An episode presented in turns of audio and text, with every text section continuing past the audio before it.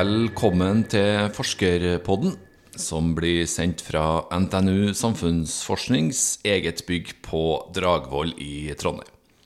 Navnet mitt er Vegard Smevold. Fra planter i verdensrommet til laks i lukka anlegg. Hvorfor er det her overførbart, forsker Kristine Vedal Størkersen? Fordi disse plantene er jo eh, levende vesen, organismer i lukka system. Og det er jo også oppdrettslaksen. Den eh, lever i bur eller i et system. Og både plantene og fisken er jo avhengig av både å ha det bra inni systemet og tilførsel fra ut, utsida for at de skal eh, ha det bra. Det der er veldig spennende, og det skal du få snakke litt mer om eh, nå etter hvert. Du hører altså på Forskerpodden, som er laga av NTNU Samfunnsforskning her på Dragvoll i Trondheim. I eh, dag har jeg med meg Kristine Vedal Størkersen, forsker to ved Studio Apertura her på NTNU Samfunnsforskning. Det er kanskje kjent at eh, NTNU Samfunnsforsknings romforskere i Siris forsker på hvordan planter klarer seg i omgivelser med lav gravitasjon, for å lære om hvordan vi kan produsere planter både i rommet og her på jorda. Du og dine kolleger Kristine, har forska på hvordan vi kan bruke denne kunnskapen, da, sånn at laks her på bakken får det enda bedre. Hvorfor er det så viktig? Laksen er jo husdyrene våre, sånn som det har blitt nå. Ja. Vi har jo ei kjempestor næring med masse nye husdyr langs kysten vår. Både i havet og i anlegg på land. Og ideen er jo også at plantene skal eh, bli eh, si, mer husdyr, eller bli en del av det vi holder på med når vi er i verdensrommet. Og på samme måte så er jo også eh, laksen vårt husdyr, som vi regner med skal bli større, nei, stadig større næring fremover. Det er det vi har uh, tenkt å leve av? Det er det vi skal leve av etter oljen.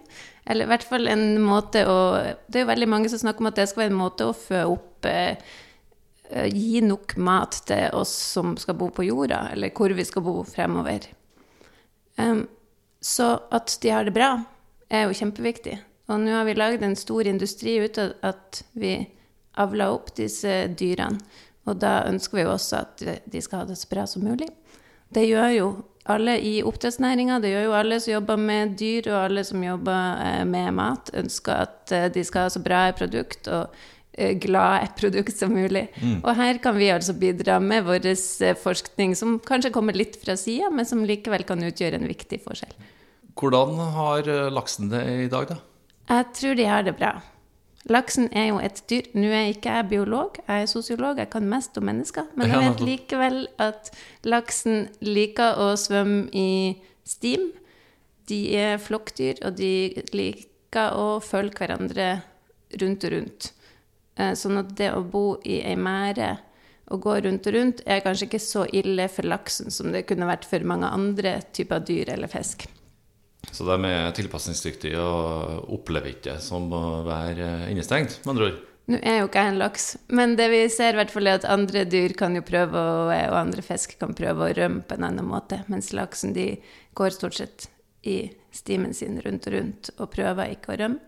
Og de har stort sett gode forhold, og de får mat som de liker, og de får også kanskje sunnere mat enn mange ut av den ville fisken får. Eh, og de eh, har, lever jo stort sett i våre rene fjorder, og det er stort sett ganske rent rundt dem. Eh, I, I, en fersk kronikk som du har skrevet, så sier du at både planter i verdensrommet da, og oppdrettsfisken er biologiske vesen i mer eller mindre lukka system. Du nevnte det også i starten.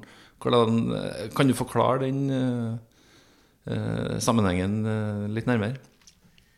Det vi har tenkt Vi er mm. altså ei stor gruppe med forskere her fra NTNU Samfunnsforskning mm. som har forska parallelt i flere år på litt forskjellige ting.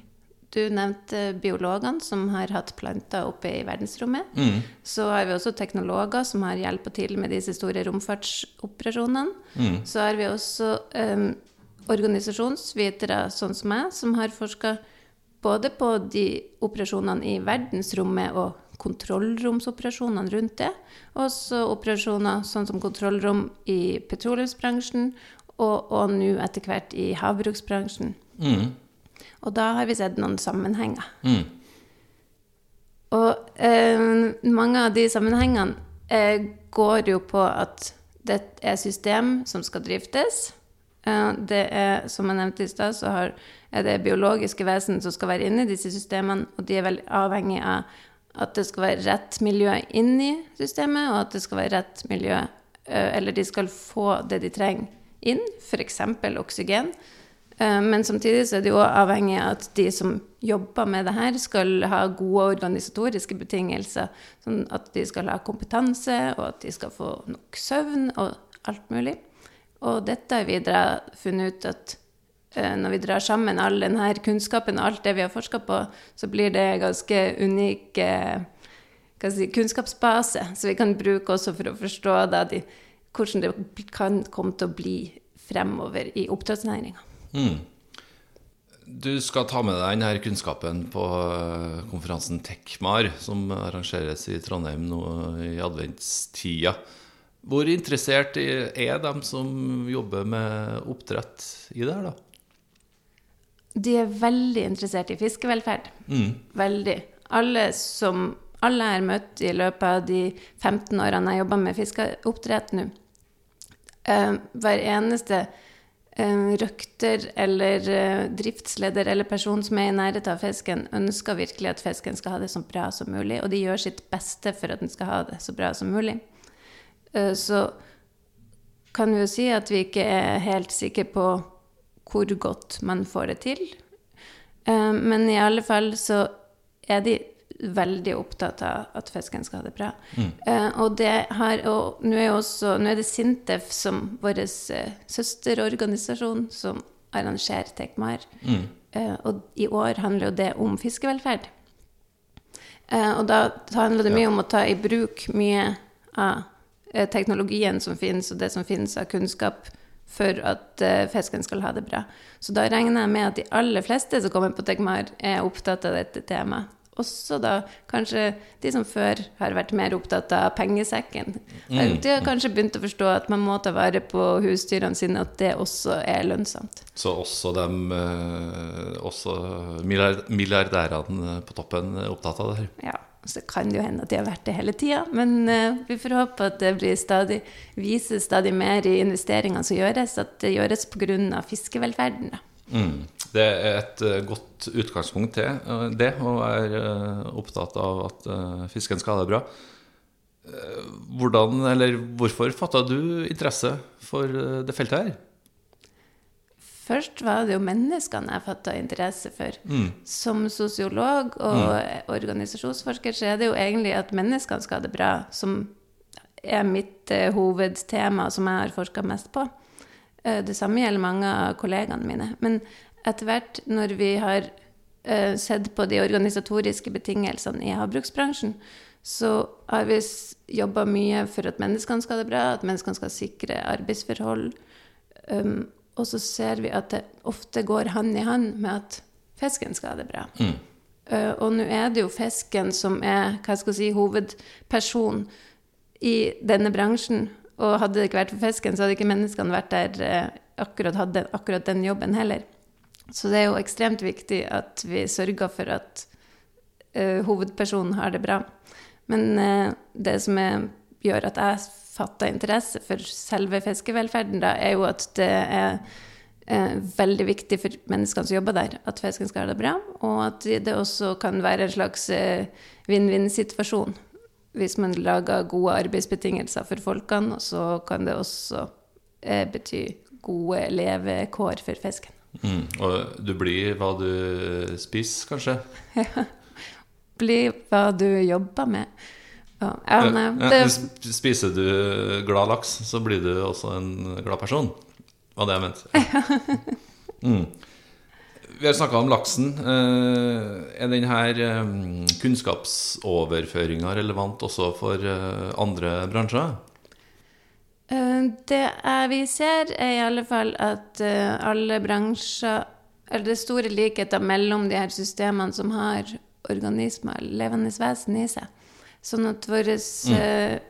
Eller de som jeg jobber i lag med, som er biologer, de jobber jo også med landbruk, f.eks der det òg er økende grad av denne type lukka system som man um, har både planteproduksjon og forskjellig produksjon i. Det er jo også mye snakk om at uh, kanskje det er sjømatnæringa som blir uh, det nye etter oljen, men kanskje ikke det er laksen. Men alger og andre typer vesen vi skal leve ut av. Mm, mm. Så uh, det er helt klart, det vi forsker på nå, har helt klart overføringsverdi til den type industrier.